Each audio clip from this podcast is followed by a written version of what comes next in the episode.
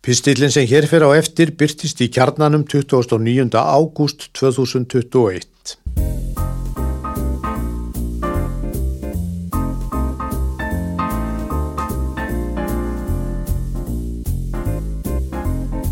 Þekkt en þó óþekkt.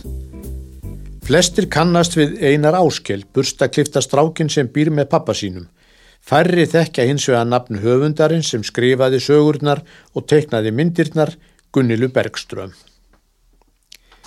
Í útvarsviðtali fyrir nokkrum árum sagði Gunnila Bergström Mjög fáir þekkja nafn mitt en það líkar mér vel en það þekkja aftur á móti margir hann Alfons Óberg en það kann hann að stela aðtiklinni drengur sá. Gunnila Bergström tók ekki of djúft í árinni þegar hún sagði að margir þekktu Alfons Óberg eins og strákurinn heitir á frummálinu. Bækurnar um einar áskell eins og hann heitir í íslensku þýðingunni eru samtals 26. Þær hafa verið gefnar úti í að minnstakosti 40 löndum og fjöldi seldra eintaka nálgast 10 miljónir. Gunnila Bergström fættist í Gautaborg í Svíþjóð 10. júli 1942. Móður hennar var kennari en fadirinn verkfræðingur. Þau skildu nokkrum árum eftir að Gunnila fættist, fadir hennar giftist danskri myndlistarkonu og móðurinn tók saman við vinnufélaga úr skólanum. Gunnila sagði síðar frá því að hjá föður hennar og nýju konunni hefði lífið verið allt öðruvísi en hjá kennurónum, móður hennar og sambílismanninum.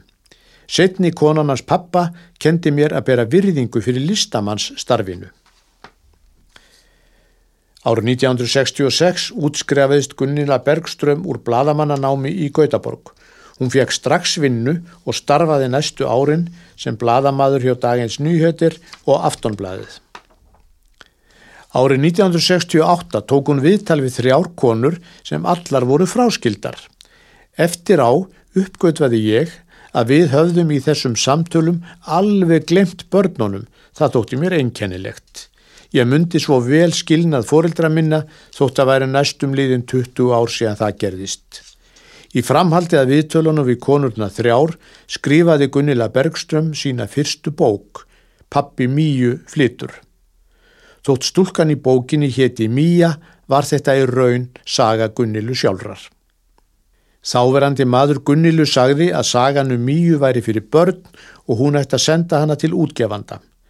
Gunnila þekkti lítið til bókaútgáfu en sendi handriti til forlagsins Rappen og Sjögren en það forlag gaf meðal annars útbækur Astrid Lindgren. Bókin Pappi Míu flitur kom út 1971 með myndskreitingum höfundarins. Myndirnar sem Gunnila Bergström hafði teiknað í bókina um pappa Míu var að hennar sögn kveikjan að bókonum um einar áskil. Hanna langaði að gera bendibók eins og hún komst að orði. Aðal personan skildi vera ánægður strákur og ekki allt of mjúkmál. Það tók Gunnilu aðeins eina helgi að teikna myndirnar sem áttu að vera aðal aðtriði bókarinnar.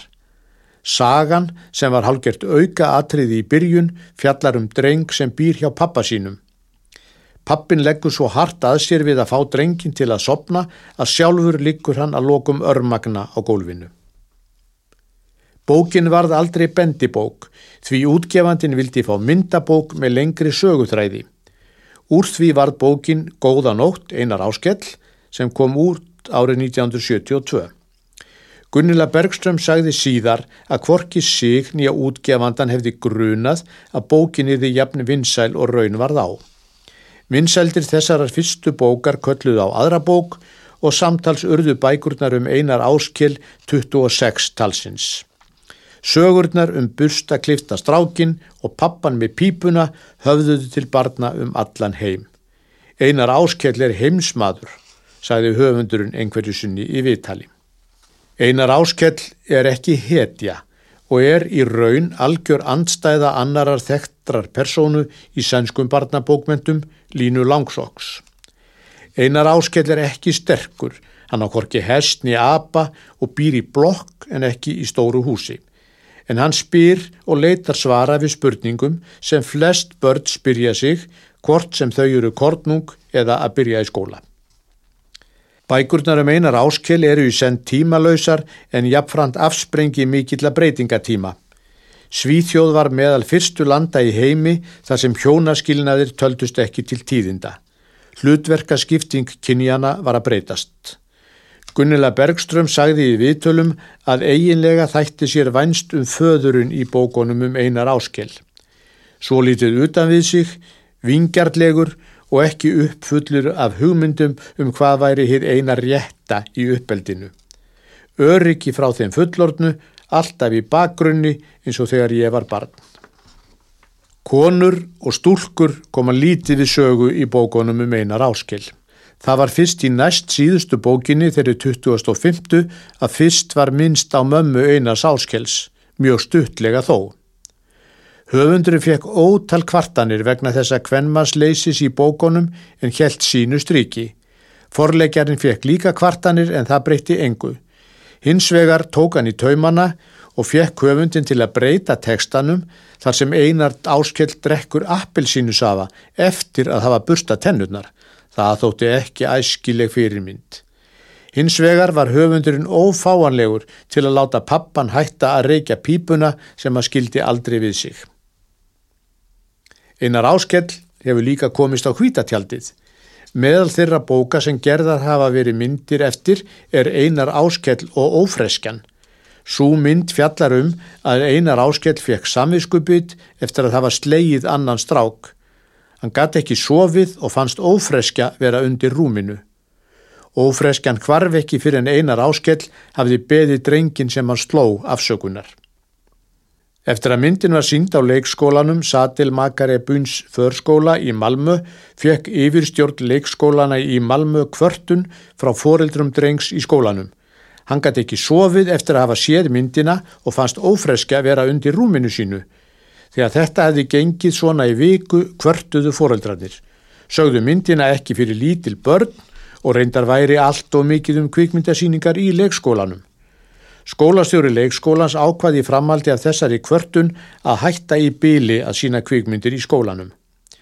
Benti jafnframt á að aldurstakmörk vegna kvikmyndarinnar um ófresku væri 0 ár. Einn framleiðenda myndarinnar sagði að miljónir barna um víða veröld hefðu séð myndina um ófreskuna en áður nefnd kvörtun væri svo fyrsta sem hann hefði hýrt af. Vinsældir fyrstu bókarinnar um einar áskil gerðu Gunnilu Bergström kleift að snúa sér alfarið að rítstörfum.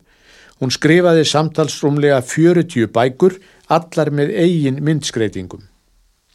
Þótt bækurnar um einar áskil hafi aflað höfutu sínu mestra tekna eru þó aðrar bækur sem stóðu hjarta hennar nær.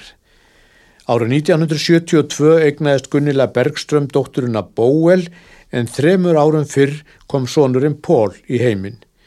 Bóel greindist ung með einhverfu og við það breytist margt í lífi fjölskyldunar. Gunnila Bergström fylltist þunglindi og sá aðeins myrkur eins og hún komst síðar að orði um ástand sitt. Með aðstóð tókst henni að komast yfir þetta erfileika tímabil. Bóel var lífsglatt barn þóttu væri öðruvísi en mörg önnur börn eins og móður hennar komst að orði. Gunilla Bergström hafi lofað sjálfur sér að skrifa aldrei um sín eigin börn. Þörfin fyrir að skrifa um að vera foreldri einhverfs barns var þó yfirsterkari. Bókin sem til varð var eins konar rimna þölu-bók og hefði geta heitið Pól og Bóel eftir börnunum en fekk nafnið Ramsor og Tramsor, om Bill og Spolla. Síðan kom önnur bókum sama efni. Fyrsta bókinum einar áskell kom út á Íslandi árið 1980 í þýðingu Sigrúnar Árnadóttur. Hún sagði frá því viðtölum að það hefði ekki verið einfalt að finna burstaklifta og kringluleita stráknum Íslensk nafn. Einar áskell hefði að lokum orði fyrir valinu og ég held að það val hafi lukkast vel.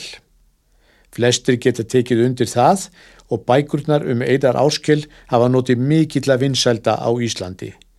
Sigrún Ljest 9. júli 2021. Gunnila Bergström lést 25. ágúst 2021, 79 ára að aldri. Hennar var minnst í fjölmiðlum um allan heim. Í nýlegum tölum frá samtökum bókasafna í Svíþjóð kom fram að á útlána lista safnana þar í landi er aðeins Astrid Lindgren sem trónir ofar.